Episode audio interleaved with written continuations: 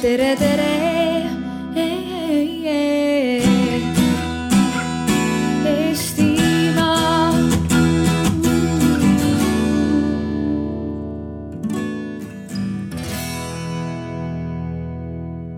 Aga alustuseks ja soojenduseks äh, natuke meelelahutuslikult. mul natuke jalg väriseb, sest siis siin on nagu tugevad eksperdid, aga me saame hakkama sellega. ehk siis me tegelikult tahame korraldada väikese näidisvõistluse. Me oleme valinud näidisvõistluseks äh, sumovõistluse. kes, kui paljud teist on üldse kunagi Robotexil käinud? Vau, päris paljud väga meeldib.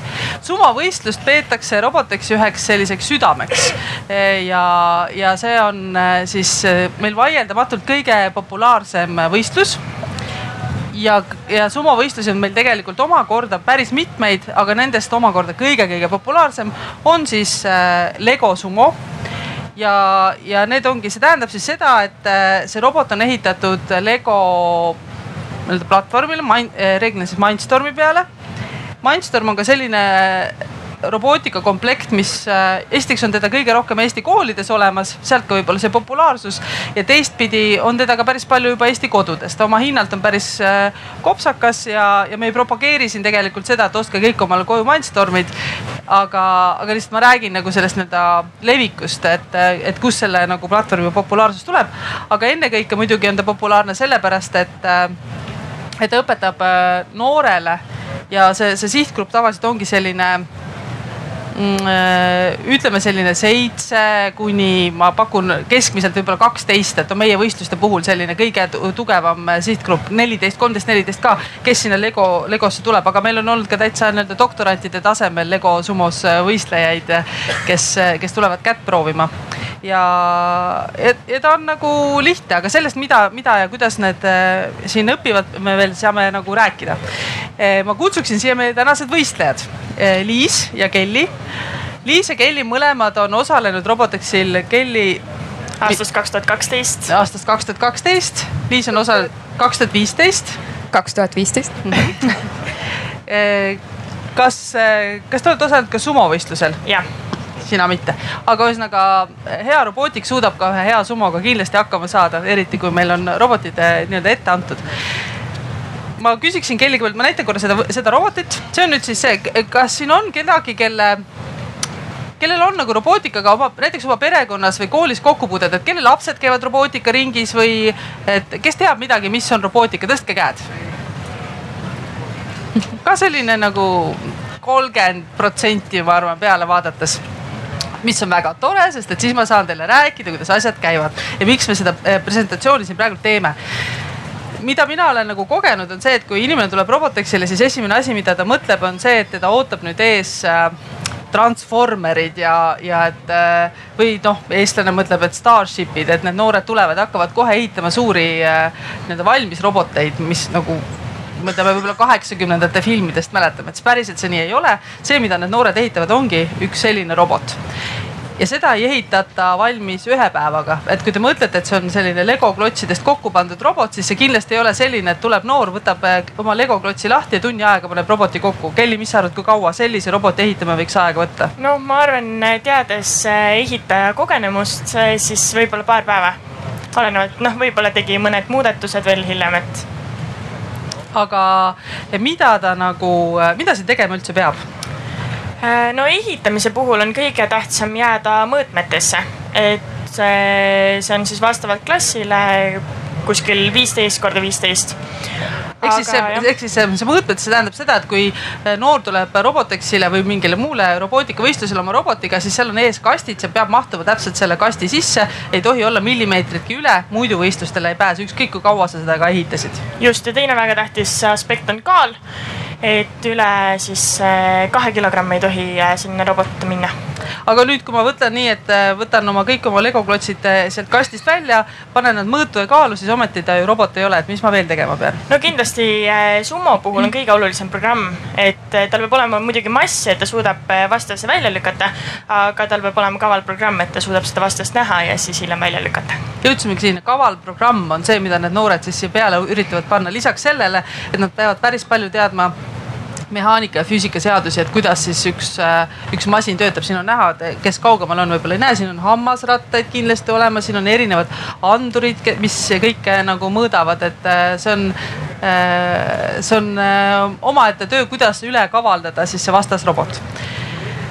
Nonii, aga proovime selle võistluse läbi. ennem kui siis sumorobotite võistlus tähendab seda, et, et reeglina võistlusele tulija ei tee seal sellist ühte võistlust, et ta saab päris mitu korda seal võistelda erinevate vastastega.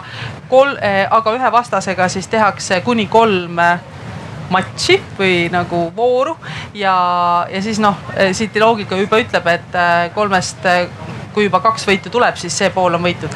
vaatame täna, kumb robot on kõvem. me räägime siin praegu ainult robotitest, mitte siis ehitajatest ja mina olen äh, siis kohtuniku rollis, äh, olen seda varem teinud, aga ei ole kindlasti kõige tugevam kohtunik siin. Kelly ja Liis on selles äh, vallas oluliselt tugevamad, seetõttu ka see väike jalavärin, millele ma ennem viitasin. aga võistlejad on valmis see, siin on rist, kui ma selle risti siia laua peale panen, siis see tähendab seda, et mis pidi nad kuidagi laua peale oma robotid asetama peavad. ja siis nad panevad robotid laua peale ja sellel hetkel, kui robot on laua peale asetatud, siis rohkem seda robotit keegi puutuda ei tohi, muidu on jälle jama majas. tähelepanu. üks, kaks, kolm.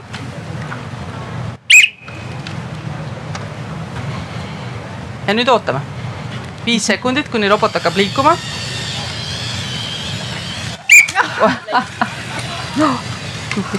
me järgmise vooruga. järgmine voor on natukene, võtab aega. Ütleme nii, et siiapaika me võistlus praegult jäi, selle kahjuks see võistleja praegult, äh, kui oleks päris võistlus, siis tõenäoliselt me annaksime talle natukese võimaluse äh, siis oma robotit parandada, aga meie tahaksime minna hoopis rääkima nüüd tüdrukutest, nii et teeme sellele robotile väikese aplausi. ma arvan, me võime need siia jätta miks me sellest üldse kõik räägime? ja miks meil need tüdrukud siin oli, et ma, ma tahtsin tegelikult teile näidata ka seda, et see ju kindlasti ei ole midagi sellist, mis äh, vajaks sellist väga palju mehelikku jõudu või, äh, või millega tüdrukud hakkama ei saaks. et äh, ma ei tea, me ei räägi siin suurte raskuste tassimisest või, või kõigest sellest, mida nagu me ütleme, et kus naised oleksid nõrgemad ja, ja Liis ja Kelly mõlemad on ka head näited sellest, kus on võimalik selles valdkonnas päris kiiresti, päris kaugele jõuda ka võistlejana või, või siis lihtsalt ka selles valdkonnas toimetades. Aga läheme meie tänaste külaliste juurde, nagu te näete, siis äh, vastavalt teemale ei ole me lasknud siia ühtegi meesterahvast lava peale. Ra. saame rahulikult omavahel rääkida, aga kuna tegemist on ikkagi arvamusfestivaliga, siis ma tutvustan teile sellist äh, catchbox'i, mis tähendab seda, et kõikidel teil on võimalik alati igal hetkel vestlusesse sekkuda ja ma julgustan teid seda kindlasti ka tegema ma võin selle visata nüüd kuskile siia, ei. ma annan selle tüdrukute kätte. ja tüdrukud võivad vahepeal siis seda, kui keegi soovib, saate siit, siit eestpoolt seda küsida või tõstke lihtsalt käsi ja ma suunan selle sinna tahapoole aga, aga nüüd äh, lähme siis edasi meie vestlusega, et hakkame järjest vaatama, kes meil on täna siia külla tulnud. tere, Liis. tere äh,. Nagu öeldud, ma olen Liis siis ja olen siis põhiliselt hetkel SparkMaker läbi juhendajana siin. aga olen ka siis äh, tegev robootikas äh, oma projektidega. Äh, nüüd ka läbi õpingute siis, et kolin Tallinnasse, asun õppima sellist eriala nagu tootearendus ja robootika et ja osalen ka Robotexil nii vabatahtliku kui ka võistlejana. et nagu näha, kaks tuhat viisteist sai siis minu Robotexi kirg alguse ja põhimõtteliselt enda taustast siis rääkides, äh, siis ma ei ole selline tüüpiline, kes kohe pärast kooli on äh, või koolis lausa on tehnikasse ja tehnoloogiasse armunud. Äh, minul sai see väga pikkamisi alguse, et mina olen üks nendest siis, kes tegelikult kõhkles mitu aastat ja koolitee jätsin ka pooleli tegelikult ja siis nüüd ma olen läinud sinna tagasi, sest robootika on see valdkond, mis seob nii palju erinevaid asju minu jaoks kokku et sealt on lihtsalt, eh, mis iganes raskused on, et seal on väga raske sellest loobuda robootikast. aga et see kõhklus, et äh, millest see tuli? See on see millest me tegelikult räägime hästi pikalt, et üldse kaheteistkümnenda klassi lõpuni tehnika ja tehnoloogia oli minu jaoks, et see ei olnud nagu minu eriala või minu valdkond, millega ma ei uskunud, et mina nagu sellega hakkama saaksin. ja ma olin rohkem selline bioloogia ja matemaatika tüdruk et reaalalades ma sain hakkama lihtsalt, ma arvasin, et see on lihtsalt sellepärast, et sa oled tubli õpilane, saad selle pärast hakkama. ja kõhklusi tuli ka ilmselt perekonnast tuli, tuli ümbruskonnast, et ma olen pärit selline äärealast, Räpina kandist ja seal ei olnud just eriti sellist ringi, kus äh, ka nagu tüdrukud oleks justkui oodatud. ja muidugi ka koolis oli käsitöö oli pigem selline õmblemine ja kokkamine, et siis ei olnud ka sellist suunitlust. ja koolist äh, siis, kui ma läksin ülikooli, siis oli selline eriala nagu äh, või ala nagu teadusbussi aine, selline seminar, ütleme nii. ja ma läksin lihtsalt huvi pärast, et osalen sellel ja vaatan, et mis nagu on.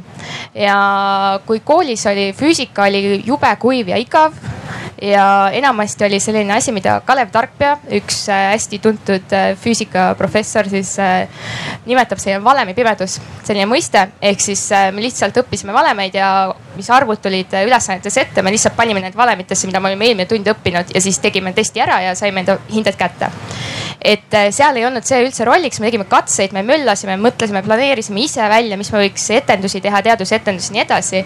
ja sealt tekkiski selline väike säde, et võiks nagu uurida, mis reaalalad on, et äh, ma saan asju nagu katseid reaalselt teha, mingid värvil, paned mingi kaks ainet kokku, tegid midagi värvilist sinna.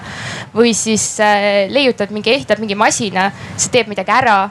et äh, tekkis selline kirg selle vastu ja sealt ma olen vaikselt hakanud minema, kuigi seal on ka veel omaette on äh, hunnikute viisi teste ja katseid tekkinud tee peale, nii et äh, aga nüüd ma olen lõpuks ikkagi robootika on see, mis on mind pidevalt hoiab ja ei lase lahti lihtsalt nii aga aitäh. aitäh, me kindlasti räägime sellest veel, eh, et mis, mis, mis, mis, mida see su koolitee siis täpselt tähendas, aga siis meil on veel siin Laura. Ja tere, äh, mina siis olen äh, täna siin kui HK Unicorn Squadi tiimiliige ja HK Unicorn Squad, mis see on, see on ainult tüdrukutele mõeldud tehnoloogiaring. alustasime aasta tagasi Viimsis kuueteist lapsega, kuueteist tüdrukuga vanuses seitse kuni kaksteist ja tänaseks on juba neid väikseid unicorn'e kakssada ja eesmärk on, et, et me kolme aastaga jõuaksime tuhande, tuhande viiesaja tüdrukuni ehk siis julgustada tüdrukuid äh, liituma tehnoloogiaga, mõtlema sellest ja, ja mitte kartma neid, äh, neid reaalalasid aga muidu. ma korra täpsustan, et selles mõttes, et need kakssada unicorn'i, kes teil praegult seal on. Nad on üle Eesti. üle Eesti ja te ju ometi jõuga ei tassi neid sinna koha peale, et nad ikkagi, see tuleneb sellest, et nad tahavad seda teha. just, et äh, me tegime kõige esimese grupi äh, sügisel ja siis oli võimalik äh, siis selle aasta alguses nii-öelda ka oma grupid käima panna üle Eesti ja mis ongi hästi oluline, et, et meie grupid ei ole ta ainult Tallinnas ja Tartus, vaid meil on Saaremaal, Kihelkonnas, meil on siinsamas Äh, Paides, äh, et, äh, et üle Eesti kuusteist gruppi. ja, ja siis selle aasta juulikuus tõime me kõik need kuusteist gruppi kokku küll Tallinnasse, aga neil oli ka suvelaager, et et jah, me ei ole ainult, äh, ainult siis, äh, siis Tallinnas, aga, aga mida ma muidu veel teen, et, äh, et ma tegelikult juhin sellist ettevõtet nagu Proud Engineers ehk uhked insenerid, mis on ka, tundub midagi väga maskuliinset ilmselt. ja tõsi, meid on me,, meil on ikkagi täna enamuses seal mehed.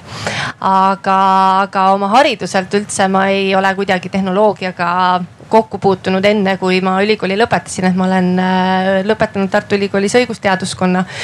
ja siis sattusin kuidagi enda jaokski ootamatult sellesse tehnoloogia val, äh, maailma läbi selle, et äh, ma olin peaaegu viis aastat siis Majandus- ja Kommunikatsiooniministeeriumis infotehnoloogia poliitikakujundaja. tegelesin õigusloomega, et selleks, et võib-olla need robotid kunagi meil tänavatel liiguksid, et mis siis selleks teha tuleks. et, et see oli minu see esimene kokkupuude ja, ja täna ma selles äh, teemas elan ja hingan.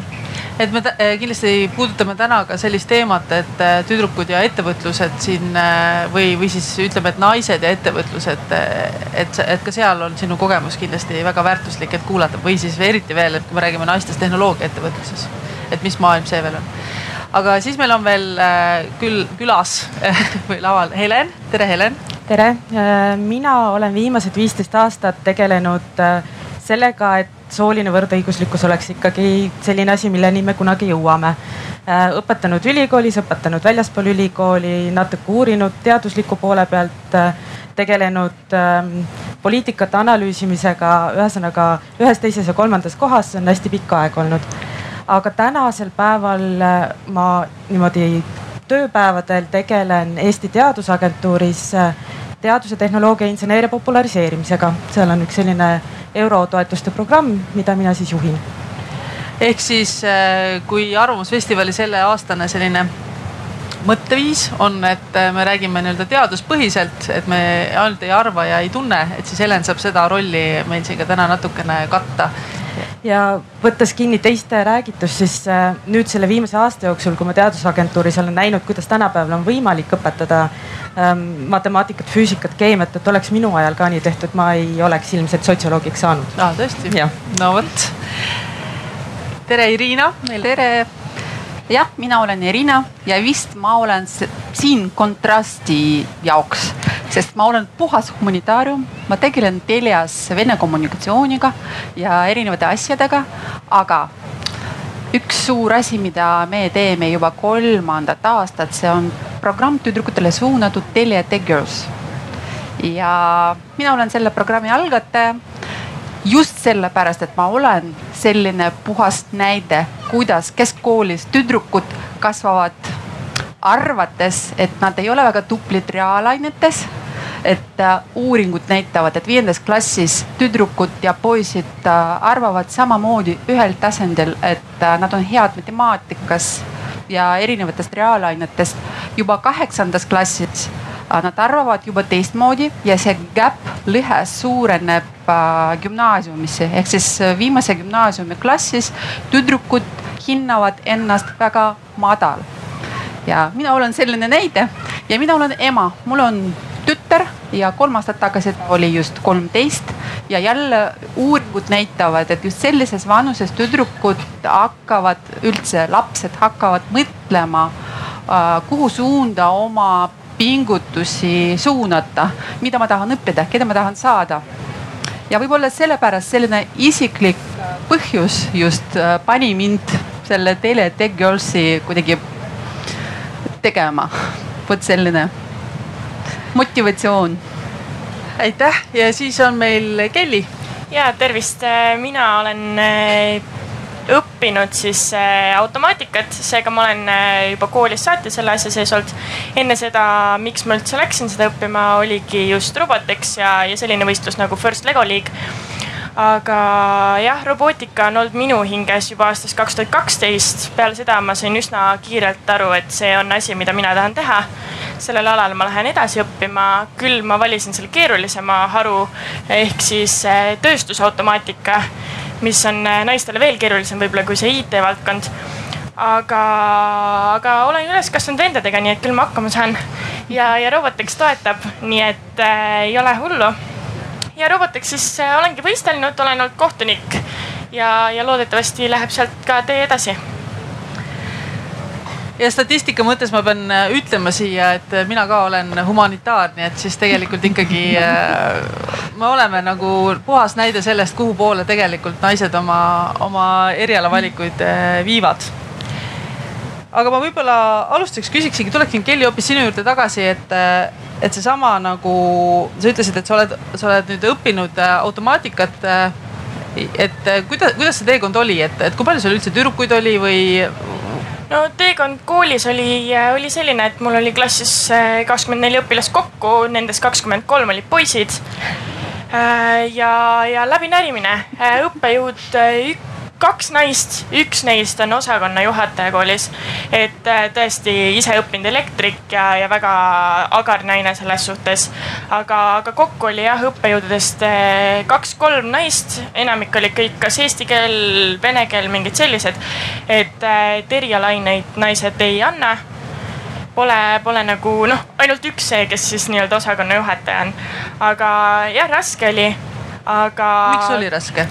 Just see igapäevane tõestamine ja, ja kuna ma õppisin äh, rohkem tööstusautomaatikat, mis on siis ütleme, kõige parem näide Iru elektrijaam, kuidas katlad töötavad, kuidas see kõik nagu tööle hakkab, kuidas see elektrit toodab, äh, siis õppejõud on samamoodi ütleme kuskil kuuskümmend, seitsekümmend. et, et päris raske on ühel noorel neiul ennast tõestada igapäevaselt Liis, kas sina tunned sedasama, et, et on olnud raske ennast selles valdkonnas, sa natukene nagu avasid seda poolt äh, kooli ajal ja et, et see tekitas sinus teatavaid kõhklusi ja kahtlusi, et, et on see teekond olnud selline, tunned sa, et see on olnud raskem kui näiteks mõnel sinu eakaaslasest äh, poisil? ma nüüd ei oska kindlalt väita, kas see on alati olnud äh, sellest tulenevalt, et äh, see nii-öelda bias või see arvamus, et poisid on tugevamad, see on äh, kujunenud ka minu enda pähe, et see ei ole alati olnud teiste, teiste peas. ja kui on olnud mingi põhjus, et kas keegi ei ole mind öelnud, et noh, kui ma olen midagi ära teinud, mingi ülesanne lahendanud näiteks füüsikas või niimoodi ja siis olen selle peale saanud kas, et oh, miks sa paremini ei teinud või mingisuguseid selliseid negatiivsema varjundiga ütlusi, siis ma olen ise enda peas arvanud, et see on võib-olla sellepärast, et ma olen tüdruk ja, ja siis, et ma ei ole nagu reaalainetes tugev, et võib-olla on see sellepärast. Ehk siis see on natukene ka minu enda pähe nii-öelda tulnud see mõtteviis juba. ja kuna ta nii varakult, siis ma ei oska alati ära praegu enam lahutada, et kas see on sellest, et äh, mu ümber, kui ma läksin ülikooli, ma astusin esialgu äh, äh, kõigepealt ökoloogiasse siis ma vahetasin füüsika vastu selle. ja siis füüsikas oli ka, et kas meid oli circa kuuskümmend ja sisseastujaid ja äkki siis circa viisteist meid oli tüdrukuid niimoodi. ja kui sa näedki enda ümber hästi see meessoost Eh tugevaid, tugeva reaaltea-, alusega nii-öelda poisse, kes on tulnud äh, sellist tugevatest koolidest ka veel eriti. ja kui sa hakkad vaikselt nägema, et see suhtlusringkond, kes sul on, hakkab koolist vaikselt välja langema. Äh, need tüdrukud just, meie tüdrukute ringkond, kellega mina alguses suhtlesin, hakkasid välja langema. ja mul tekkiski see vaakum, kus mul ei olnud enam kellegagi rääkida füüsika ülesannetest või kuidas neid lahendada, kuidas matemaatikaga hakkama saada. ehk siis see probleem tekkis, et mul ei olnud kellegagi lihtsalt rääkida sellest teemast enam. Ja sealt äh, tekkis nagu minu jaoks see nõrk külg, et kellegi polnud toetuda. aga miks te, Laura, üldse tegelete nende unicorn'idega, miks see on oluline? Äh, me teame, et, äh, et naiste tööhõive IKT-s on, äh, on madal, et keskmine number Eestis on kakskümmend üks koma kuus, on, on mul õigus vist jah, on.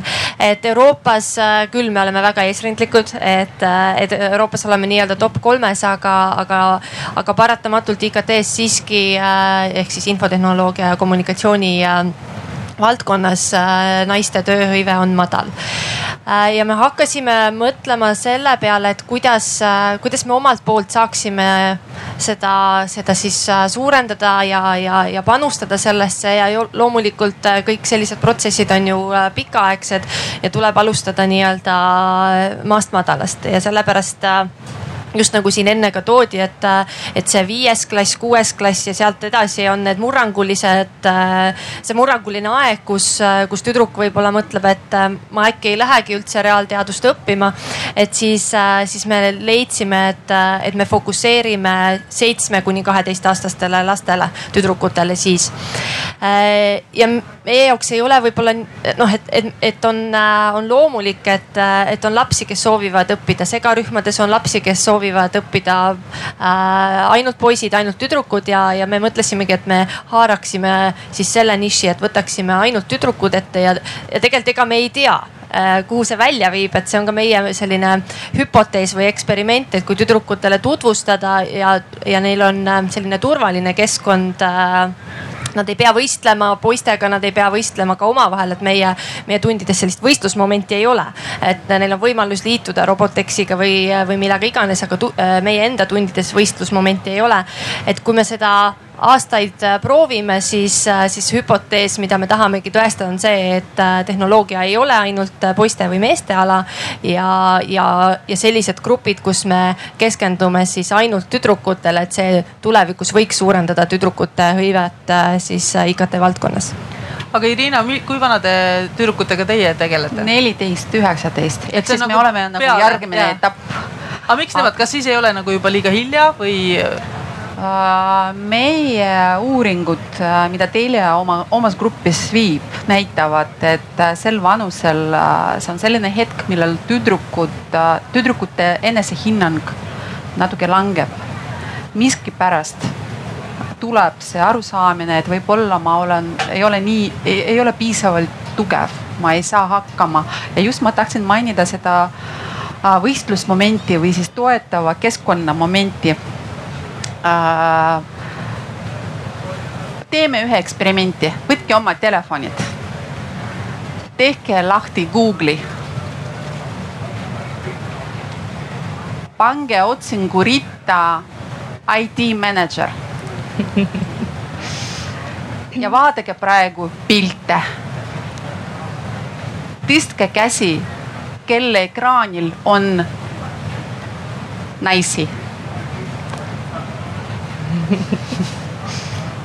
üks käsi. üks käsi on, kaks, kolm. väga hea, neli, viis. kümnendik olemas, aga nüüd ma tahan küsida, tõstke nüüd, kelle ekraanil pool nendest kujudest on naised. vähemalt pool. ühtegi, ühtegi kätt ma ei näe. üks on pool naisi super, ma ei ole kunagi näinud seda tulemust. ma lihtsalt täna, täna hommikul olen proovinud mitu korda erinevatest seadmetest. Ja see on fakt, see on fakt ja see on äh, näide toetavatest keskkonnast, kust tuleb see perception, et äh, tüdrukud ei saa hakkama, et see role model on väga selline suur faktor. Äh, kas tüdrukud uuringud näitavad ka, et tüdrukud, äh, kui ta otsustavad, kuhu minna õppida, mida eriala valida nad väga tugevalt orienteeruvad selle peale, kas selles valdkonnas on teisi naisi, kelle poole ma vaatan. Eeskujud eeskujud. ja selle kohta on ka laiemalt tehtud uuringud, et õppematerjale vaadatud äh, mitte nüüd ainult IT-s või tehnoloogias, aga ka näiteks, et keemiaõpikud või matemaatikaõpikud või füüsikaõpikud. et kui see pildiline materjal on selline, kus on äh, valdavalt näiteks mehed valgetes kitlites keemikud või siis naised, et see mõjutab seda, kuidas, kuidas see enesetõhusus või see eneseusk enda võimete kohta inimestel kujuneb. mis tunne tal on, et kas ma suudan või ei suuda ja see jälle mõjutab seda tulemust väga tule, tugevalt. et äh, inglise keelest otse tõlkides stereotüübi ohuks nimetatakse seda efekti et see on tegelikult oluline, mida me näitame, mida me räägime, et kui me räägime insenerist, kas me mõtleme sellist kollase või valge kiivriga meesterahvast sel ajal või meil tuleb ka mõni naine meelde näiteks. aga Kelly ja äh, Liis, küsimus teile, et, et kui te oleksite õppinud näiteks äh, oma eriala ainult tüdrukutega äh, samas grupis, et kuidas teile tundub, et kas teil oleks olnud siis elu kergem? minul oleks kindlasti raskem olnud sest et arvestades äh, praegu tööpõllul olles, kus äh, juhid, äh, kolleegid on valdavalt mehed, siis ma peaksin seda protsessi alustama alles nüüd. minul algas see juba kooli, nii-öelda kutsekooli esimesel kursusel, et neli aastat tagasi. selles mõttes on kindlasti lihtsam kuna kool on ikkagi äh, rohkem kontrollitud keskkond, kui on sul tööpõld ja sa oled äh, koolis, sa oled kogu nii-öelda grupiga, rühmaga, kursusega. aga tööpõllule sa lähed üksi, sa pead üksi hakkama saama, sa pead üksi ennast igapäevaselt tõestama. et kindlasti mina arvan, et minul oleks olnud keerulisem. ehk siis sa ütled seda, et see kool, kus sa olid üksi, et seal sa õppisid ennast juba nii palju tõestama, et minnes Just. tööturule, kus sul on vastas väga palju mehi, siis see andis sulle sellise nagu elukooli ülikooli selleks, et seal hakkama saada. väga huvitav. ma osaliselt nõustun et äh, ainult lihtsalt tüdrukud ühte klassi panna ja loota, et kui nad nüüd õpivad lihtsalt tüdrukud üheskoos, siis see ilmselt neid ei aitaks, sest neil ei oleks seda allikat, kust saada seda enesekindlust või seda julgustust, et ma saan nüüd ka edaspidi hakkama, et sa lähedki sealt välja sellest klassist, sa lähed tööturule ja sa oled nüüd järsku ainus naine kõigi meeste seas ja põrkud kohe negatiivsete hoiakute vastu. et sul on vaja ka see tüdrukute klassil äh, või tüdrukute ringil siis oleks vaja ka tegelikult äh, neid tugesid, kellelt saada seda nii-öelda positiivseid mõtteid sinna eluteele kaasa tegelikult. et a la näiteks Kelly-laadsed juhendajad kasvõi, kes siis oleks need, kelle poole kasvõi tulevikus mõtetes kasvõi pöörduda või siis telefonikõne võtta, helistada, et mul on praegu raske, et ma tahaks nagu toetuda sulle. et, et kui selline võimalus on olemas, siis see kindlasti aitaks palju paremini olgu, aga kui nüüd me, me jõuamegi nüüd tegelikult sellesama ettevõtluse juurde, kus meid ootavad ees needsamad äh, juhid, äh, kes ongi äh, peamiselt mehed, et kui seal oleks see tasakaal juba omakorda nagu paigas, et siis ei oleks ikkagi vajadust seda, seda elukooli sinna ette. ja selles mõttes ma arvan, praegu on väga hea aeg alustada ka neid unicorn'e, selliseid nagu tüdrukutele suunitletud nii-öelda tiime.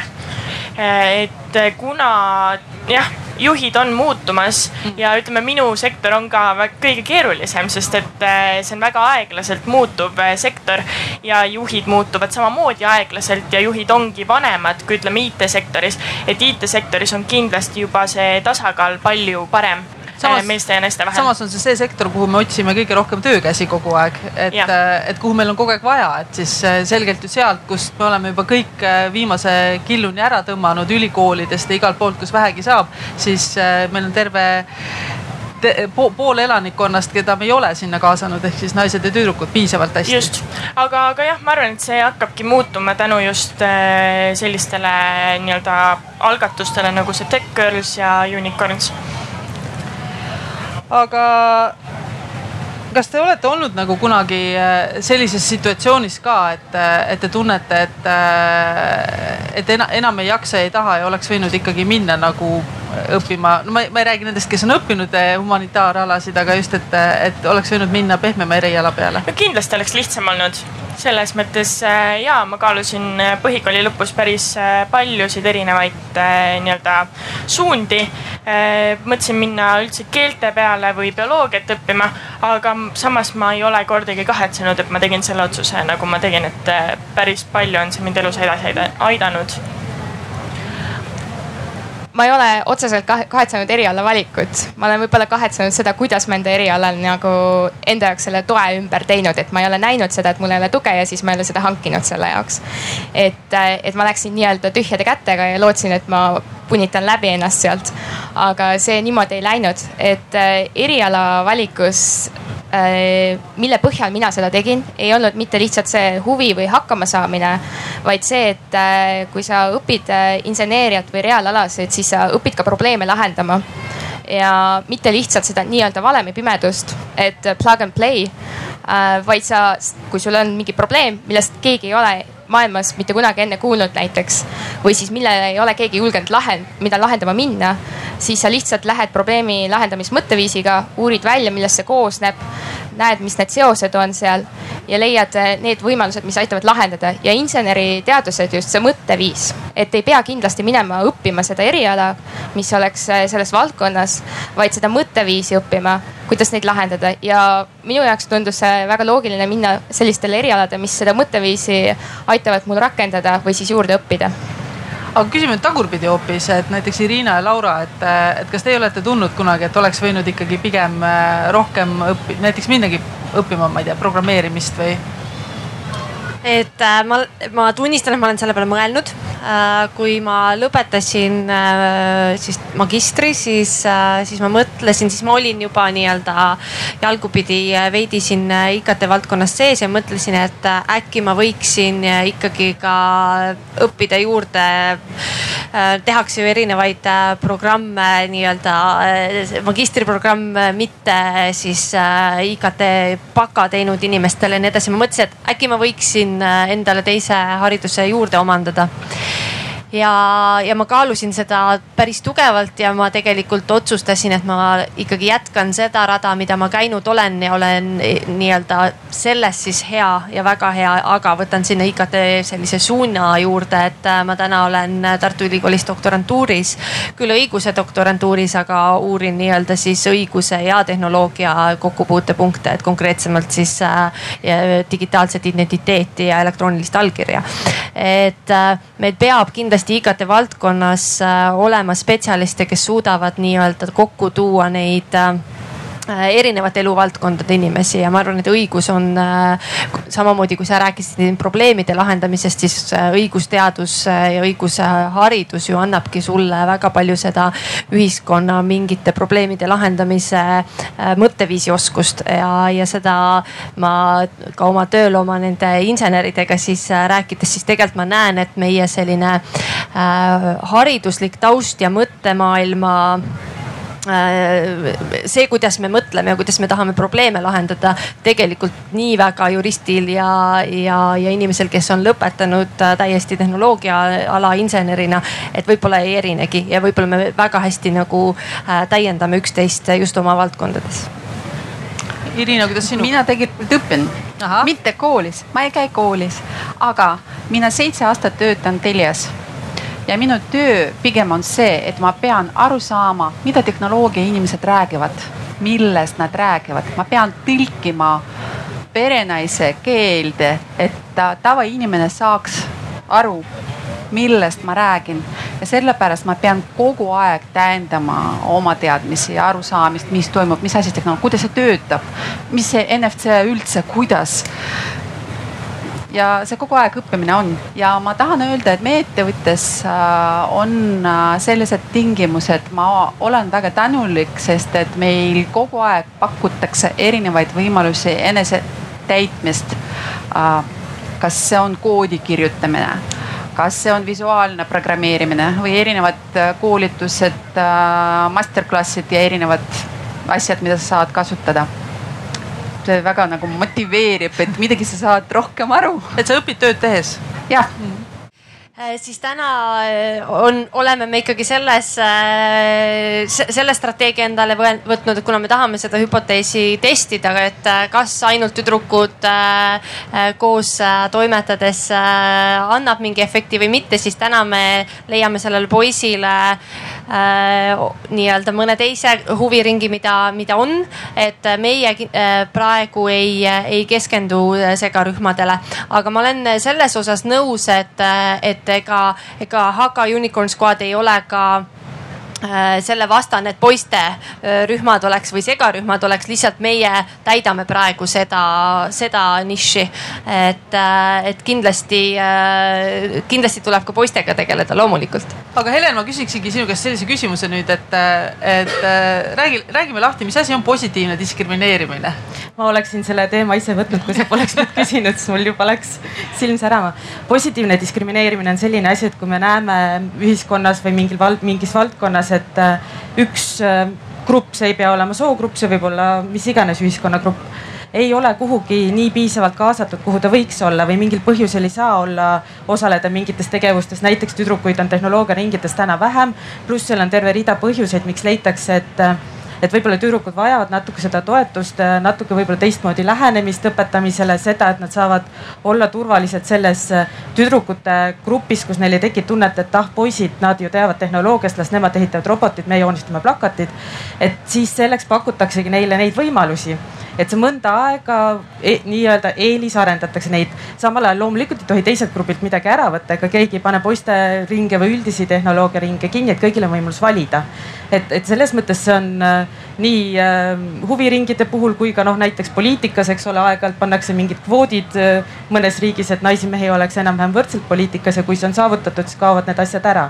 ehk et see on niisugune lühiajaline teatud eesmärgile suunatud ühe grupi Äh, eelistamine ja seetõttu on ta justkui jah, diskrimineerimine, aga ta on selle positiivse märgiga diskrimineerimine aga meie tüdrukute hulgas on, on päris palju olnud neid tüdrukuid, kes on öelnud, et me tahtsime oma koolis toimuvas äh, robootikaringis äh, osaleda, aga ma käisin seal aasta või kaks ja ma olin lõpuks ainus tüdruk ja ma enam ei taha seal käia. et ma tahaks, sest et äh, selles vanuses laste jaoks on hästi oluline ka see äh, sõbratunne äh,. mitte, et vanemad ütlevad, et sa pead seal käima, vaid äh, tegelikult peavad need sõbrad seal sul või sõbrannad siis äh, ümberringi olema.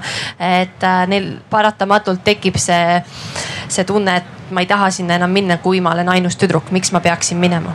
et äh, seda kahjuks äh, ilmselt päris paljudes robootikatundides äh, on. iga meie Telia Tech Girls'i üritusel tekkis selline küsimus poiste kohta ja nüüd mul on vastus. eelmisel aastal meie otsustasime niimoodi, okei okay,, las tulevad poisid, aga kohustusega. kui sa tuled, too kaasa üks tüdruk, kas sõbranna, õde, klassiõde, ema, ma ei tea, aga tulge koos see on meie nagu lahendus, kuidas me teeme, ikkagi valdavalt on tüdrukud rühmas, kui poes äh, on julge tulla, siis ta toob kellegi kaasa ja tegelikult viimane kord meil oli kolm poist. kas on veel, seal on veel küsimus? nii, see on seal kohe täitsa tagapool. tere, Mari-Liis Pipedrive'ist ähm, kas teil äh, on sellist kogemust, et tööturul äh, oleks naisena tehnoloogia valdkonnas tegelikult päris suur eelis, et, äh, et sa lähed kandideerima, on kümme mehe CV-d ja oled sina üksinda naisena ja võib-olla tänapäeval eriti tehnoloogia valdkonnas on ettevõtted avatumad ja just tahavad endale rohkem naisi võtta tööle. Liis ja Kelly, kuidas teie olete sellised, kes ka üsna värskelt tööturul äh, ringi liigute, et kuidas te tunnete, et kas see võiks olla hoopis pigem eeliseks? vot mina seda eelise poolt väga ei ole tundnud. aga, aga see võib olla ka lihtsalt sellest valdkonnas, kus mina olen, ma ei ole nagu puhtalt IT peal, et ma olen ikkagi äh, sellises ähm, tööstussektoris ka natukene sees. et, äh, et keeruline on, tegelikult on keeruline ja eriti äh, eriti ma tunnen seda, kui ma olen äh, noor neiu värskelt koolipingist välja istunud, siis mind ei taheta tööle võtta. et äh,. aga kas sa näed kõrval, et, et see noor, noor, noormees sinu kursuselt, et kas ta saab lihtsamalt ja, selle töökoha? saab lihtsamalt, äh, vahet pole, et äh, võib-olla paberil näitajad on kõvasti halvemad. lihtsalt sellepärast, et ta on mees, saab lihtsamalt. kuidas sinuga, Liis, on, tunned sa sedasama? kuna ma ei ole päris äh, mehaanika, mehhatroonika nii-öelda suunda võtnud endale tööd otsida praegu, sest ma olen sealt niimoodi vargsi eemale hoidnud, sest ma olen just pelganud seda, et, et tekib see diskrimineerimise hetk ja siis ma saan selle negatiivse kogemuse enam ei taha proovida. sa pigem jätad nagu sinna. ma pigem ei proovigi, mul on nagu see osa, et ma olen jäinud sinna kõrvalt niimoodi, et ma okei okay,, ma juhendan, siis ma õpin ise juurde, saan seda julgust, nii edasi. ehk siis mina lähen praegu niimoodi vargsi, piilun kõrvalt ümber palava pudru. et mina nii sihikindlalt keskele ei marsi, et nüüd siin ma olen ja ma tahan seda tööd. aga see on väga kõnekas Telia grupis me tegeleme selle selle probleemiga väga tihedalt ja ütlen, et äh, Telia Eesti statistika näitab, et meil on viiskümmend üks protsent äh, naisi ja siis äh, nelikümmend üheksa mehi. Juhtide vahel see tase on ka kõrgemad kui teistel Telia riikides, see on vist neli, nelikümmend neli protsenti naisi meil on juht, mitte juhtkonnas, vaid juhtide positsioonidel.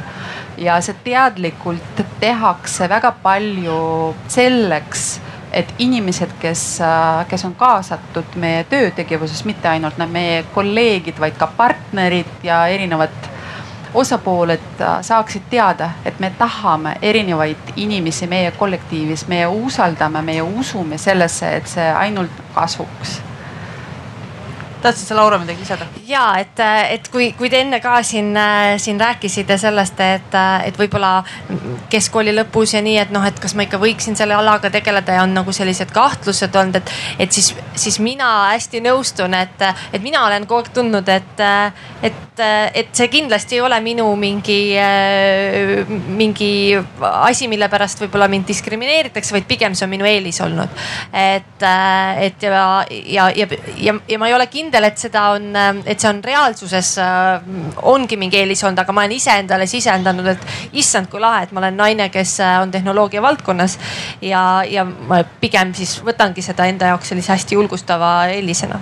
Minu arust, mis siin nagu. minu enda enesemääratlus, mitte et ma oleks mm -hmm. väljastpoolt seda kuidagi tundnud minu arust, mis välja kostab nii õppimise kui töötamise suhtes, on see, et, et äh, tehnoloogia alal või, või IT alal või kus iganes inseneerias jõuavad äh, tööturule need naised, kes on hästi tugevad. et kes käivad läbi selle kadalipu, et nad kõigepealt on käinud seal võib-olla huviringides ja, ja suutnud ennast matemaatikaõpetajale tõestada, et ta tõepoolest ikkagi oskab matemaatikat, eks ole, ja siis ta on õppinud seal seltskonnas, kus on kakskümmend kolm noormeest ja üks tüdruk ja, ja kuuekümne aastane meessoost õppejõud, kes ei usu temasse ja siis läinud tööturule, julenud kandideerida nii-öelda stereotüüpselt meeste alale, mis on alati hästi keeruline iseenda jaoks psühholoogiliselt ja siis selle töö saanud ja peab seal hakkama saama. et minu arust see ongi üks asi, mille pärast ongi vaja nii-öelda tegeleda selle tüdrukute enesetõhususe teemaga.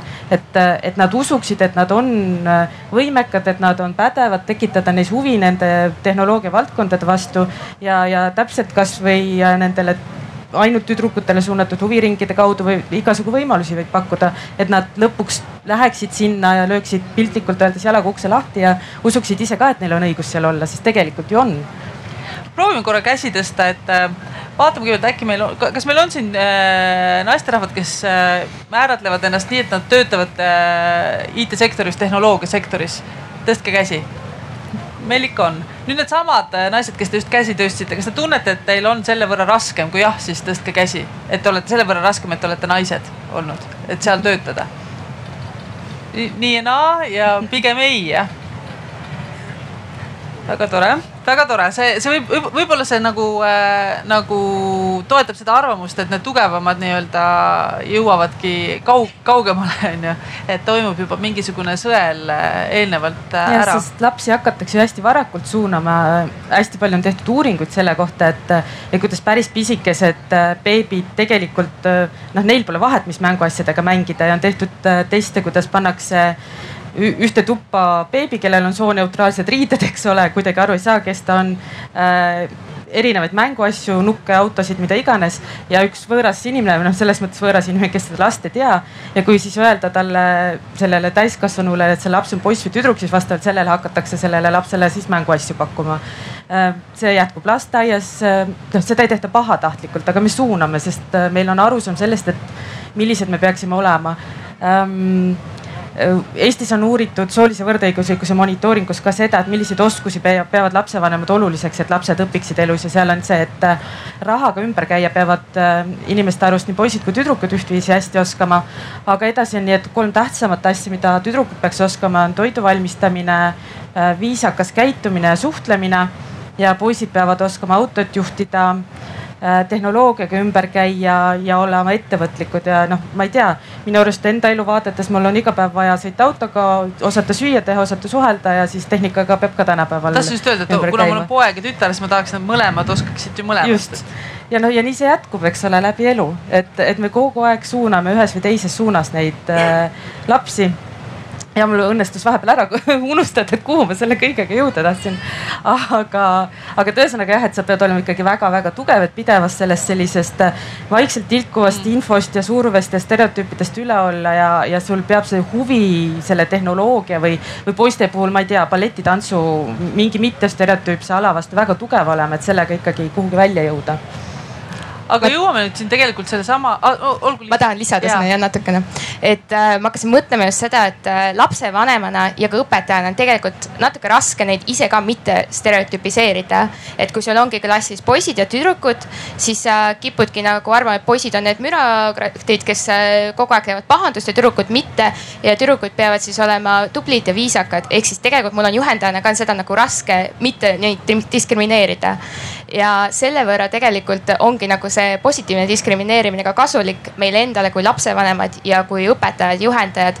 ehk siis äh, me ei pea pidevalt äh, enda väheneva tüdrukute arvuga seal robootikaklassis äh, tegelema ja neid julgustama ja vaatama, et see diskrimineerimine nagu oleks neutraalne, ütleme nii. et, et poisid ei ütleks tüdrukutele halvasti või tüdrukud ei kaoks ära, et see on tegelikult lihtsustab juhendajate ja õpetajate elu, kui me praegu tegeleme selle positiivse diskrimineerimisega kas teil on olnud näiteks äh, Kelly või Liis äh, ka sellist olukorda, et kus sa tunned, et ma olen seal äh, naiste seltskonnas kuidagi ja et mul on siin lihtsam olla nagu täpselt see, mis ma olen? Tech Sisters, need üritused, mida Tartus korraldatakse, et kui ma läksin sinna lihtsalt no minu jaoks ei ole IT see valdkond, millega ma nagu ise olen süvitsi tegelenud, robootika maksimaalselt, olen programmeerinud neid natuke. Aga kui ma läksin siia kohale siis äh, mu esimene reaktsioon, siin on nii palju naisi, kust te tulite et, et see oli nagu minu jaoks selline, et vau wow. ja iga kord, kui ma nüüd käin seal, ma suhtlen küll nendega, keda ma ise tunnen, et ma ei ole nii julgelt läinud, et kuule, äkki tahad mu mentor olla või et mul on sulle küsimusi. aga see julgustab nagu seda, et see potentsiaal on olemas, kellelt abi küsida ja, ja see just see, et sa oled tüdrukute või naiste massis siis aga räägime nüüd ikkagi jah, sellest poolest ka, et äh, me tõime välja, et, et mida siis selleks kõigeks vaja on, et tüdrukuid rohkem sinna ligi tuua, meil on hästi palju erinevaid äh, ideid siin ka läbi käinud, et integreerida erinevaid valdkondi rohkem me oleme rääkinud positiivsest diskrimineerimisest eh, ja me oleme rääkinud eeskujudest ja, ja tegelikult ikkagi sellest ettevõtluse poolest, et eh, ka Robotexi üheks selliseks viim, just viimaste aastate sellised lisa, lisamõtteviisiks või ideeks sealjuures on olnud see, et kõik, mida me seal teeme või pakume, et need noored saaksid ühel hetkel aru, et see võib olla ühel hetkel seotud ka siis nagu tuleviku töö või ettevõtlusega, et see ei ole lihtsalt nagu mäng või võistlus, vaid et see, see viib kuhugi ja ma saan aru, et äh, unicorn'ide puhul on see samuti oluline teema sealjuures, et miks see on nii? et, äh, et kindlasti see eeskujude näitamine, et see on, see on hästi oluline, kui tegelikult meie see tänane teema pealkiri, et mis soost on Just. unicorn, siis kui sa, kui unicorn'i identifitseerida kui ettevõtet, mille väärtus on üle miljardi USA dollari, siis selliste ettevõtete juhid enamuses on äh, ikkagi meesterahvad ka Eesti äh,? ka meie Eesti ükssarvikud äh, Bolt ja Transferwise äh, jällegi mehed äh,. aga ma arvan, et me ei tohiks ära unustada neid äh,, neid naiseeskujusid ja, ja me ei tohiks äh, Äh, me peaksime nendest äh, kindlasti rääkima, ma tahaksin tegelikult täna et, äh, siin ka mainida ikkagi Testleo juhti Kristel Kruustükki või, või võtame Jobatical ja Karoli Hindriks, et neid, neid võimsaid ja ägedaid naisi meil on ja, ja miks mitte, nemad ei võiks olla meie need järgmised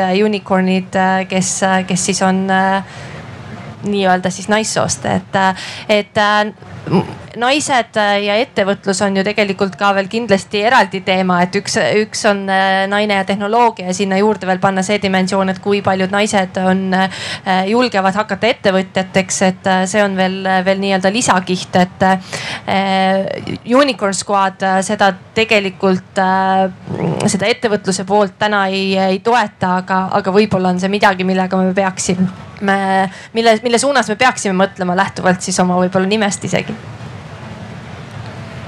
kuidas, kuidas teistega, teistel tunne on, et kas, kes, kes on teie eeskujud, äh, kui, kui me räägime üldse tehnoloogiast või, või ka ettevõtlusest, et na, naised, kes on teid kuidagi inspireerinud? mina olen täiesti nõus, et äh, Kristel Kruustükk minu jaoks on väga vaimustav naine, väga tubli, äge ja on, mida õppida ja me ei tohiks karta, noh, et laste jaoks on hästi oluline ka nende eeskujude nägemine. et äh, ja nii meeste kui naiste nägemine, et selles mõttes kaasata neid, neid vahvaid inimesi ka, äh, ka laste ette, et see on tegelikult oluline ja julgustav nende jaoks. Aga see on, mida õppida, et ma tulen selle juurde, mida siis on õppida? julgus, sest et äh, mina võin öelda, et mul alati olid hirmud et äh, kas ma saan hakkama, kas ma piisavalt tugev olen, kas ma piisavalt pädev olen, kas ma oskan, kas ma julgen. kui ma näen ja ma suhtlen Kris-, Kristiliga, siis ma näen, et tal üldse või võib-olla see on väljaspoolt, ma ei tea, aga neid piiranguid ei ole. ta julgeb, ta proovib, ta julgeb ja ta ei karda eksimusi teha. see on väga suur asi, mida ma tahan õpetada oma tüdrukut, et äh, palun, kui sa kukud maha siis lihtsalt tõsta ja proovi veel ja ei ole ja see ei ole maailma lõpp, lihtsalt tee veel korda. Ja Kristilil see omadus on olemas mul lihtsalt tuleb praegu meelde see, kuidas on uuritud, ma räägin, pidingi olema see, kes räägib teadusest.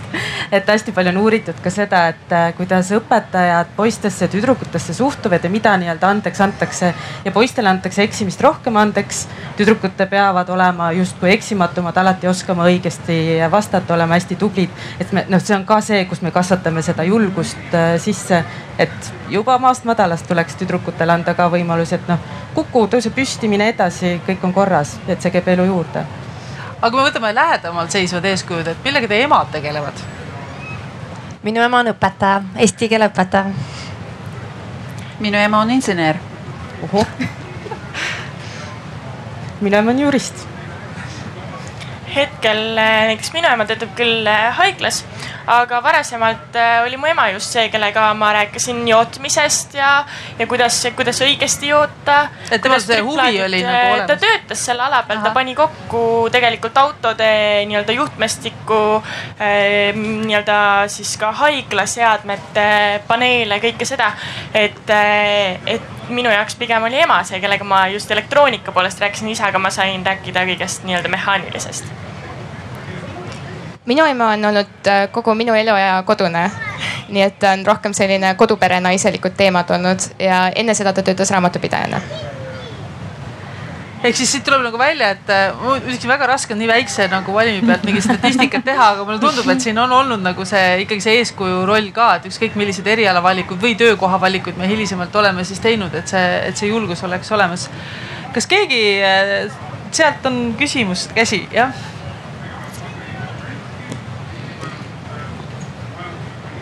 Tegelikult on üks äh, remark selles mõttes, et mina usun seda, et äh, kõik algab iseendast. et kõik, mis te teete, on väga ägedad, aga, aga kõik algab meist endast. ja lihtsalt üks asi, mis jäi mulle kõrva kriipima, oli see, et kui Telias äh, tõlgendatakse tehnoloogia keel koduperenaiste keelde, mitte kokkade ega traktoristide ega autojuhtide, vaid koduperenaiste keelde. ja juba sellest, kui me ise nagu lihtsustame naist kui koduperenaist, kui ema on koduperenaine, et, et siis temale me peamegi seda ümber tõlkima. aga võib-olla ei saa ka kojamees aru, võib-olla ei saa ka kokk aru sellest, et juba see, kuidas me ise nagu ennast väljendame, et võib-olla peaks alustama kõige rohkem sellest aga ja miks te, miks te peate tõlkima, miks sa pead tõlkima, kas sa tunned, et, et? tõlkima peab, aga miks just koduperenaistele, miks mitte mm. kokkade keelde? jah, see on küll, see on nagu stereotüüpiline sõna. olen täiesti nõus. see on lihtsalt selline keskendumine nendele inimestele, kes äh,. see ei ole nagu professioon, see ei ole eriala, see ei ole mingi erialane keel, see tähendab, et igaüks koduperemehed ka. teinekord kasutan seda sõna. aga Kodused. jah, ma tunnen, et ma pean Ko. kodusesse keelde siis. kas on veel kommentaare, siin on, palun. Äh, minul on nüüd selline huvitav tähelepanek või selline repliik, et, et äh, mulle teadaolevatel andmetel nüüd minu käsutuses on, ma olen teinud selgeks, et äh, enam kui seitsekümmend viis protsenti, natukene enam huviringide juhendajatest on tegelikult naised. et kuidas siis on juhtunud tehnoloogia valdkonnas, ma just räägin kuidas see siis nagu juhtunud on niimoodi, et mina, kes ma samas valdkonnas mehena tegutsen, et kas ma peaksin ennast diskrimineerituna kuidagi tundma. ja, ja kuidas see siis nagu juhtunud on, et eh, huviringi juhendaja, kes on naine, kes on väga tihti ka õpetaja, kes on üldjuhul eeskujuks, on eeskujuks hoopis poistele, mitte tüdrukutele. miks siis nii? Seda... seal vastupidi kõik on. seda saab taandada ilmselt sellele, et äh, huviringi juhendajad ongi enamasti väga sageli, mitte alati pedagoogi taustaga või õpetaja taustaga või noorsootöötajad ja siis me võime vaadata, et mis on nende selline positsioon ühiskonnas ja palgatase ja mis on äh, sooline segregatsioon selles valdkonnas üldiselt. et jah, see ei ole hea ja et väga suur respekt, et on ka mehi ja tegelikult on väga ägedaid mehi ongi selles valdkonnas, aga neid on liiga vähe ja tuleks juurde tuua. seda küll minu mõte tegelikult oli see, et, et miks naised on eeskujuks poistele, miks naised ei ole eeskujuks tüdrukutele, kuidas see niiviisi on juhtunud? ma ei usu, et ringijuhendajad äh, need ainsad eeskujud on, seal on, äh, kui ma juhendasin äh, mitte algklassidele nüüd selline lasteaia robootikaring siis äh, ma olin küll eeskujuks ka enda lastele ja nad tulid ja kallistasid mind ja toetusid minule, aga mul käis ka üks tüdruk ja see üks tüdruk sattus sinna poolkogemata, sest äh, lapsevanem mõtles lihtsalt, et taht-, meelega otsis enda lapsele tehnoloogiaringi, aga poistevanemad tõid, et mingi tehnoloogia asi, et ma toon enda poisi sinna. ehk siis lapsevanemad on selles mõttes natukene suuremad eeskujud, mida nemad arvavad sellest ringist, juhendajatest ja kogu sellest, äh, mis lapse ümber toimub. lapsed kujundavad enda arvamust väga suuresti selle järgi. see ei ole isegi võib-olla see, et lapsed kujundavad, vaid vanemad kujundavad selle laste eest selles mõttes, et äh, sul kuueaastane laps võib-olla ei tea veel päris täpselt, mida ta teha tahab, äh, mida, mis ringi ta tahaks proovida, ta ei teagi neid võimalusi. aga kui vanem võtab selle tüdruku ja paneb ta tantsima, mitte ei pane robootikasse, siis see laps ei saagi teada sellest robootikast. et see kõik hakkab ikkagi kodus pihta, et minul õnneks olid väga toetavad vanemad, kes toetasid minu õpinguid tehnoloogias. et jah, hirm on alati, et kas see noor neiu saab tööd selles valdkonnas valdkonnas. aga vähemalt minu õpinguid ei piiratud ja samamoodi ei piiratud seda, et ma läksin üldse robootikaringi. aga paljud paljudes kodudes hakkab see tegelikult väga varakult äh, juba see suunamine pihta ja lapsed ei teagi teisi võimalusi. kas on veel kommentaare publiku seast või küsimusi? mul on jätkuks eelmine küsimus, mis oli või kommentaar, et miks me peame tõlkima kodu perenaise keelde midagi et äh, taustaks, et äh, mina olen ka naine tehnoloogias ja ma võib, ma jõudsin siia nii-öelda hea õnne läbi, et minu füüsikaõpetaja oli see, kes ütles, et tüdrukud, kui kontrolltöö oli, ütles, et tüdrukud panevad äh, nüüd toolid laua peale, panevad nime paberi peale, toovad ära selle paberi, saadame hinde kätte. et see juba nagu eeldas seda, et kasvasid selles vaimus, et noh, et minust ei saagi mingit tehnoloogia inimest. et minul läks hästi, aga kui nüüd on täiskasvanud naine, nii-öelda koduperenaine, äkki me peaksime neid meelitama nii-öelda sinna tehnoloogiasse kuidagi, et ei pea tõlkima, vaid nagu see teema saab talle tuttavaks ja ta saab nendest asjadest ise, ise nagu aru, tekib huvi. et ma tean, et TechGirls on olemas ja ma olen nendega ka nagu suhelnud, käinud seal, aga see võib-olla esimeseks kokkupuutepunktiks on nagu natukene liiga niisugune krõbe amps.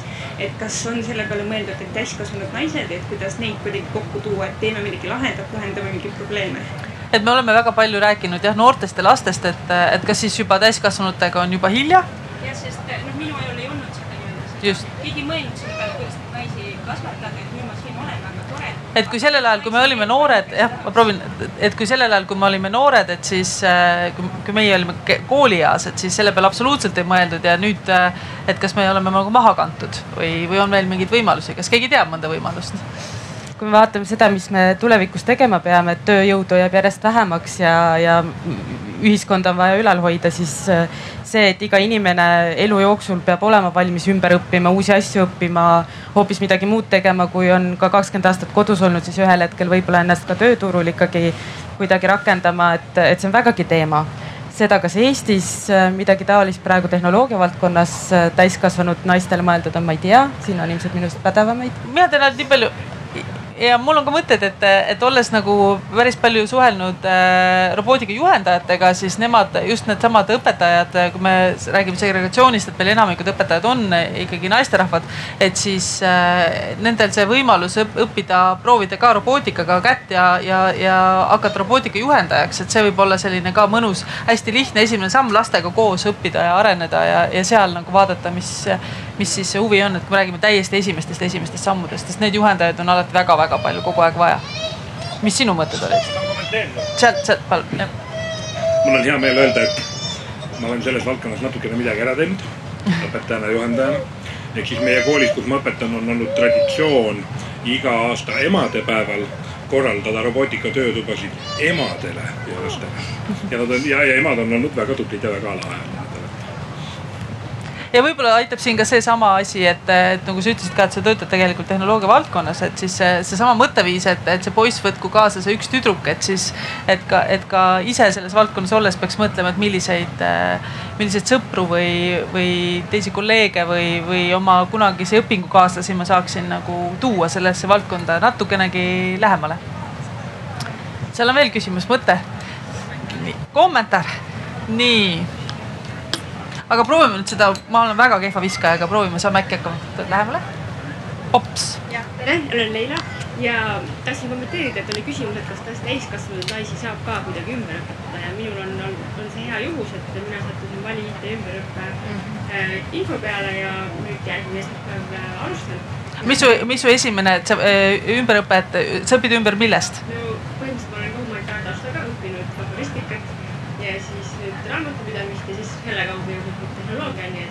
läbi põimunud, et kõik tõesti valdkonnad on, on ju tegelikult lõimuvad tehnoloogiaga mingil alal ja mingil piiril, nii et äh, tuli teha äh, tripod test ja selle alusel äh, saad edasi ja, ja meie kursusel ikkagi suurem osa naisi.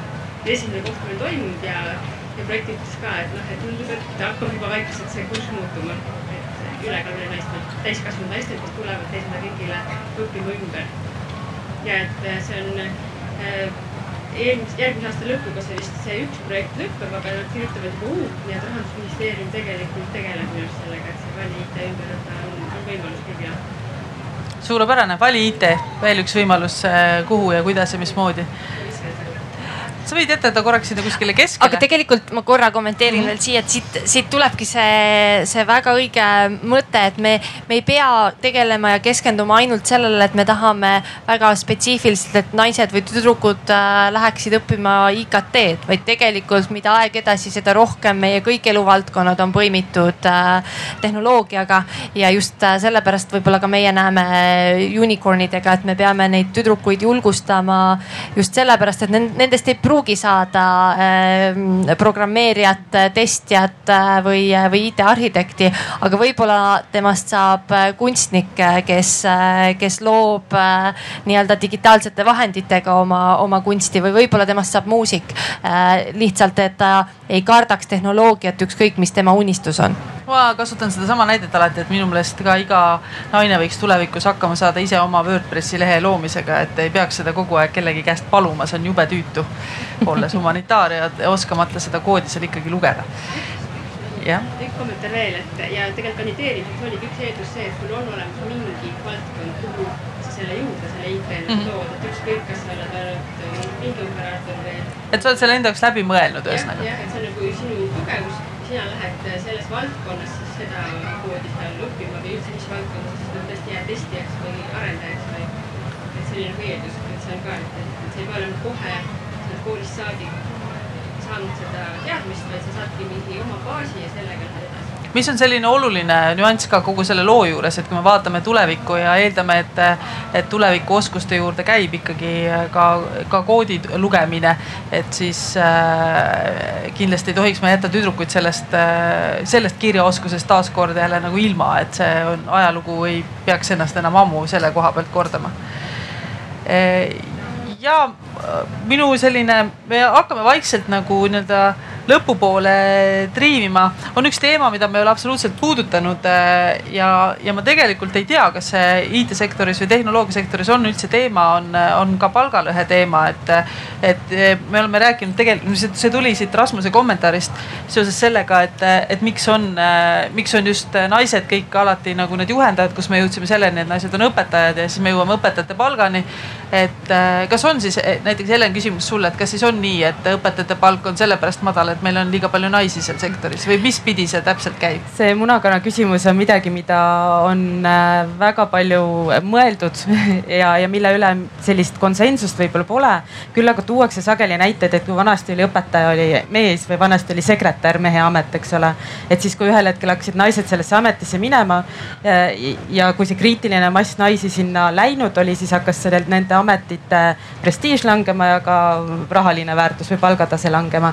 nii et natuke nagu kahtlustame seda, et et kui mingi ala on nii-öelda valdavalt naiste ala, siis peetakse seda ikkagi, et ah, see on lihtne, see ei ole väga palju väärt, et see, mida mees teeb, on ikkagi nagu justkui mees on targem ja vastutab rohkem ja, ja nii edasi no stereotüüp. aga kas siis ei juhtu nii, et kui me nüüd tahame, et tüdrukud läheksid kõik tehnoloogiasektorisse, et siis nad lähevad kõik sinna sektorisse ja toovad selle palga, selle kõrge palga sealt kõik alla ma arvan, et juhtu, aga ma ei oska sulle nüüd sellist teaduslikku põhjendust siia taha tuua. see on, see on minu arvamus. et, et viib need palgad lõpuks nagu tasakaalu nii, kas meil on veel vahepeal rahva seast tulnud küsimusi või kommentaare? Te olete olnud väga mõnusalt äh, aktiivsed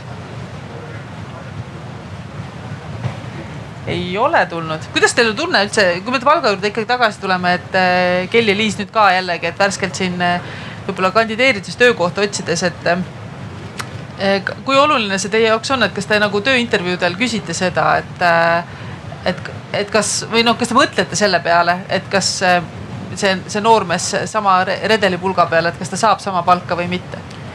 Üldiselt noh, ma nüüd väga täpselt ei tea, kuna, kuna paljudes firmades ei ole palk Äh, nii-öelda avalikult äh, räägitav, kolleegid saavad erinevat palka, mis on minu arust ka õiglane, sest et kui mina lähen äh, otse koolipingist, ma ei tea seda tööd, siis ilmselgelt ma saan vähem, kui saab inimene, kes on kuus aastat seda tööd teinud.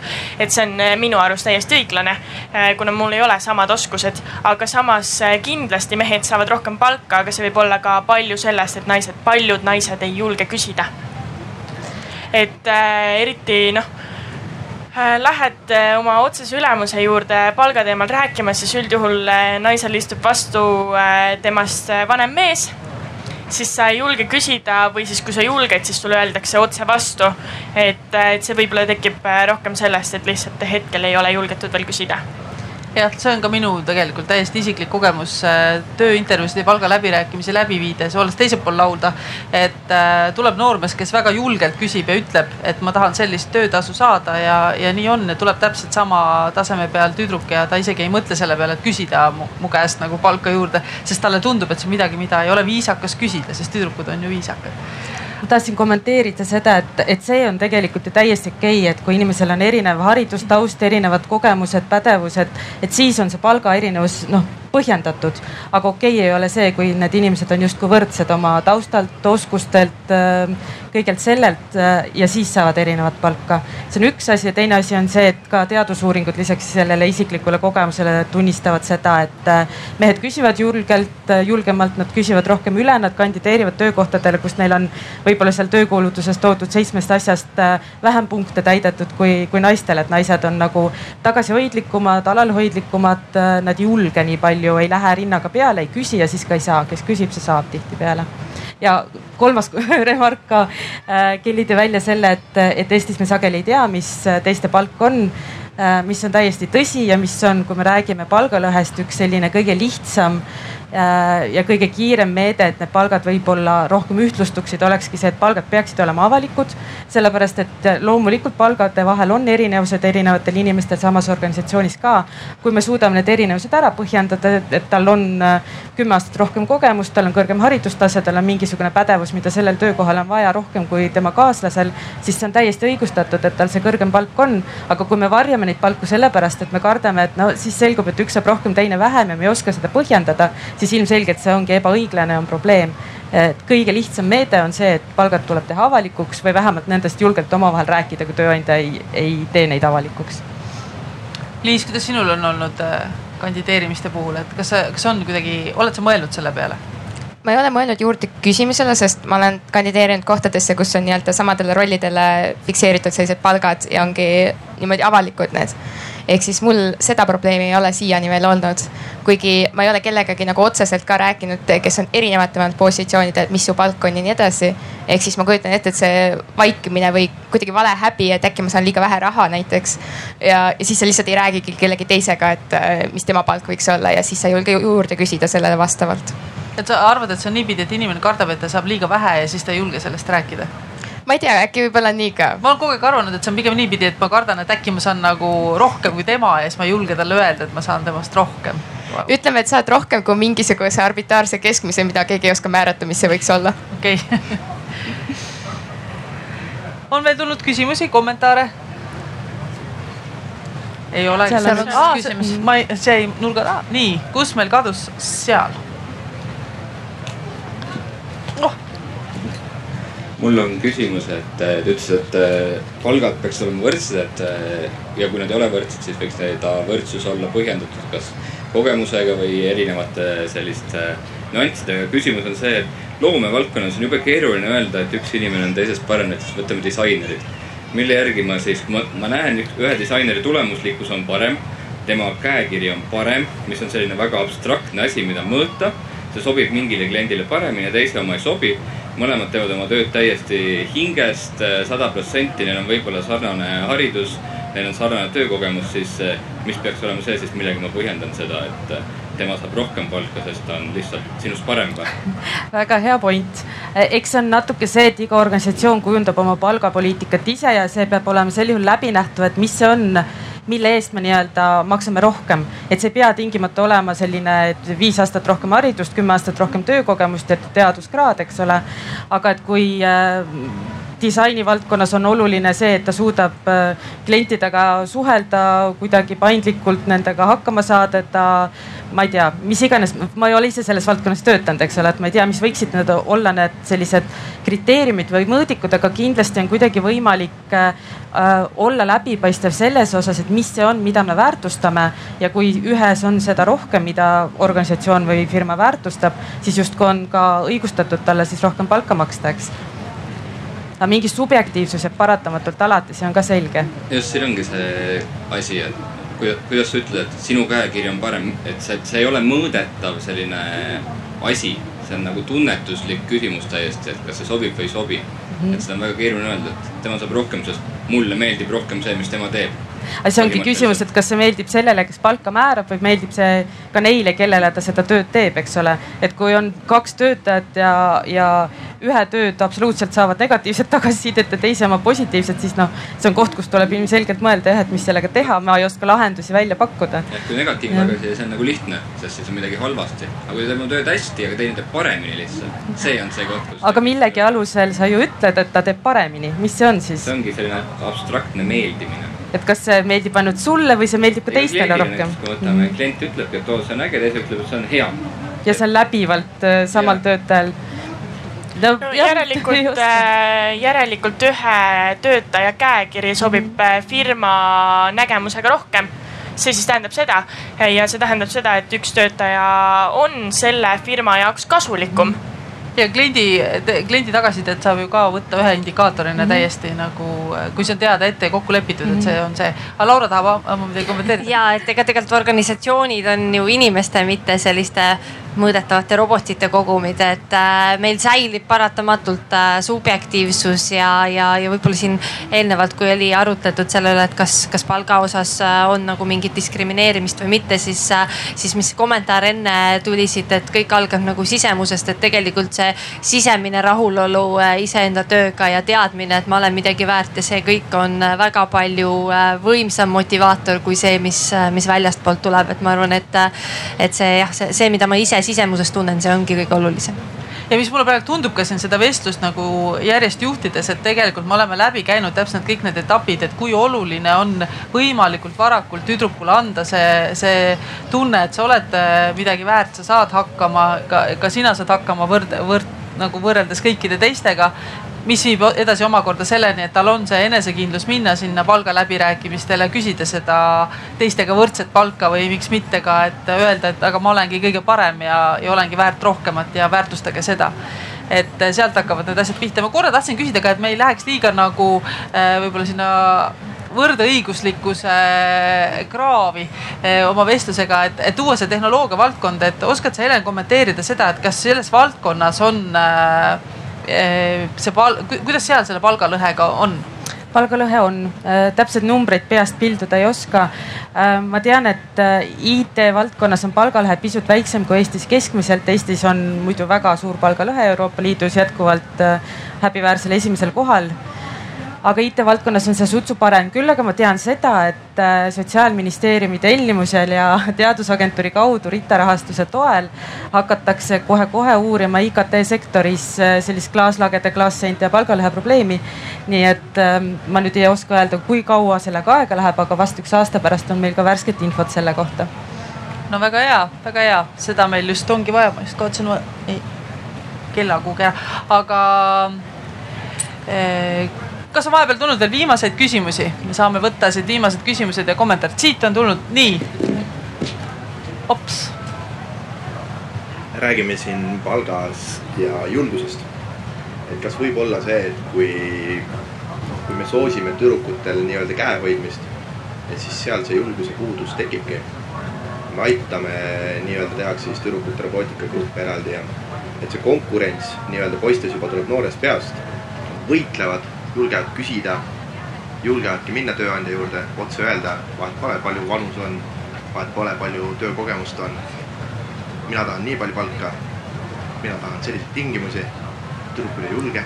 Et me, et sa mõtled, et me liiga, liiga nagu hoiame neid nii-öelda vati sees, et see on natuke see, mida Kelly tõi välja, et tema sai selle nii-öelda elukooli sealt koolist kätte mina arvan, et ikkagi väike, üks asi on, kui inimene on juba kutsekoolis, kõrgkoolis, ta on ikkagi päris suur inimene, aga väikesemate laste puhul see ei ole mitte käehoidmine, see on pigem võib-olla just see, et kui me paneme selle tüdrukute grupi kokku, siis tekib seal tüdrukute vahel konkurents ja olelusvõitlus käib ju paratamatult alati. aga kui me oleme väiksest saadik soosinud seda, et tüdruk peavad olema kuulekad, viisakad, suhtlema hästi ja tegema nii nagu peab ja võimalikult hästi, nii nagu peab. aga poisid, noh, nad on ju poisid, kolm on nende hinnaga, las nad olla ettevõtlikud, las nad hakkavad vastu. me anname neile andeks, see on täiesti normaalne, et poiss natuke kakleb, et ta läheb ja lööb jalaga ukse lahti ja nõuab, et maailm alluks temale et noh, see tuleb juba nagu rohkem sealt pluss veel äh, siin tulevad ka minu, minu pehmed, pehmed hariduskogemused nagu kasuks.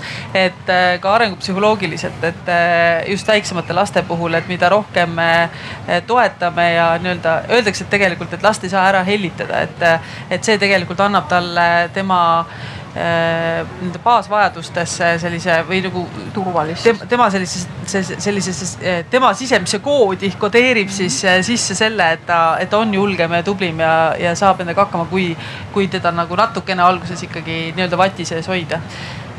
jah, toetamisega on jah, toetamine on hea, aga kui just konkurents ongi tüdrukute vaheline ei ole poistevaheline, vaid ei ole poiste-tüdrukute vaheline, vaid on tüdrukute vaheline. kuidas siis tulevikus vältida olukorda, kus kohas tuleb poiss, paneb rusikaga lauale, sina minule nii ütle, tüdruk on harjunud, et tüdrukud omavahel nii ei tee. mis siis juhtub? no mina mõtlen oh,, sa tahtsid öelda ma räägin ära ja siis on minu kommentaar, mis mul selle peale tuli, on kohe see, et, et kui meil on need poisid ja tüdrukud korraga ja poisid muudkui panevad seda rusikat lauale, siis tüdrukud löövadki käega ja ei teegi seda, nad ei saa harjutada. et igasugune oskus, igasugune julgus on tegelikult nagu muskel, sa pead seda harjutama, eks ole. et kui me korra võtame need äh, rusikaga lauale löövad poisid sealt kõrvalt ära, ehk siis nagu saavad tüdrukud seda ka harjutada ja julgevad siis ka juba teistega koos rohkem, aga. ja et äh, mina arvan, et meil elus seda olelusvõitlust on hästi-hästi palju palju, et äh, koolis ja ükskõik kus, et äh, poe järjekorras koolis, bussis, ükskõik kus, et seda olelusvõitlust on kogu aeg, aga aga me ei, miskipärast ei jookse neljasadat meetrit poisid ja tüdrukud koos võistlustel. et äh, miskipärast pannakse ikkagi äh, soo järgi meil ka spordis äh, lapsi, noori, täiskasvanuid äh, oma nii-öelda nendesse vanuse ja soogruppidesse.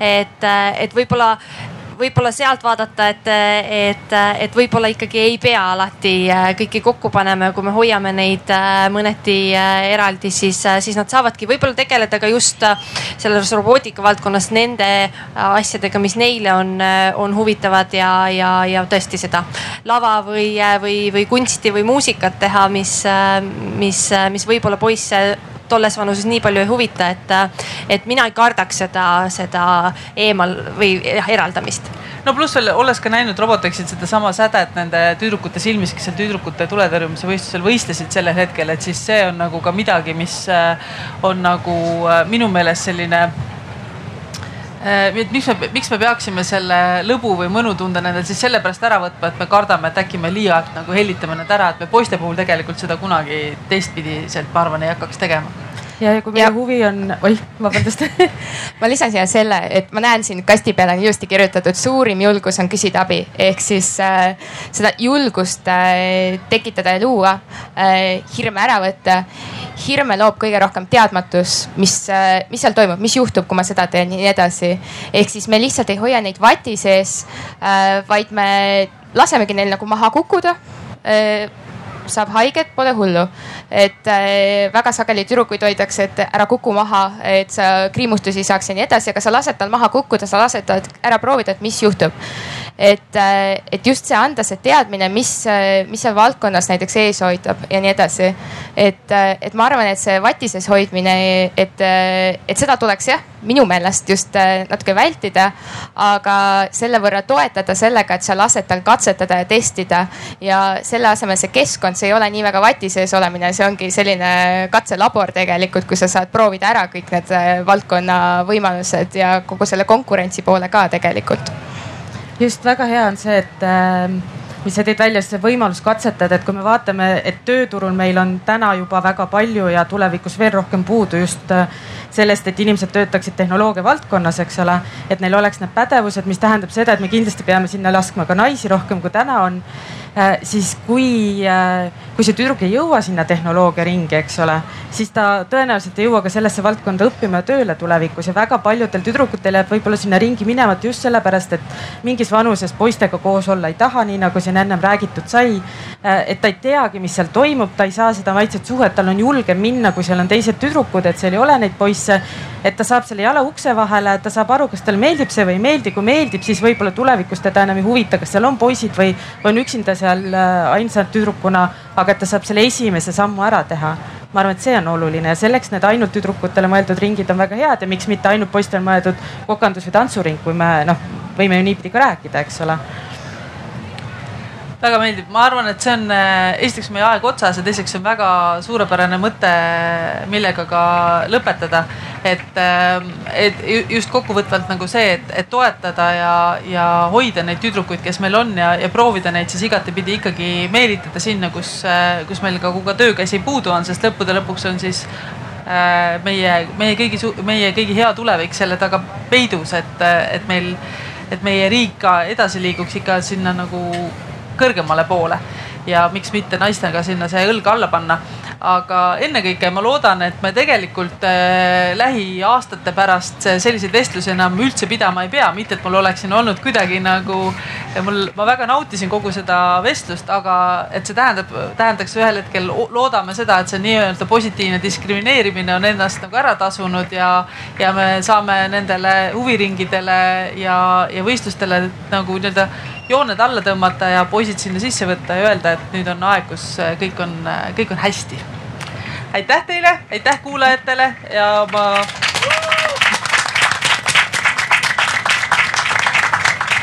soovin teile hästi meeldivat Arvamusfestivali jätku, võtke viimast, päike on ka täna meiega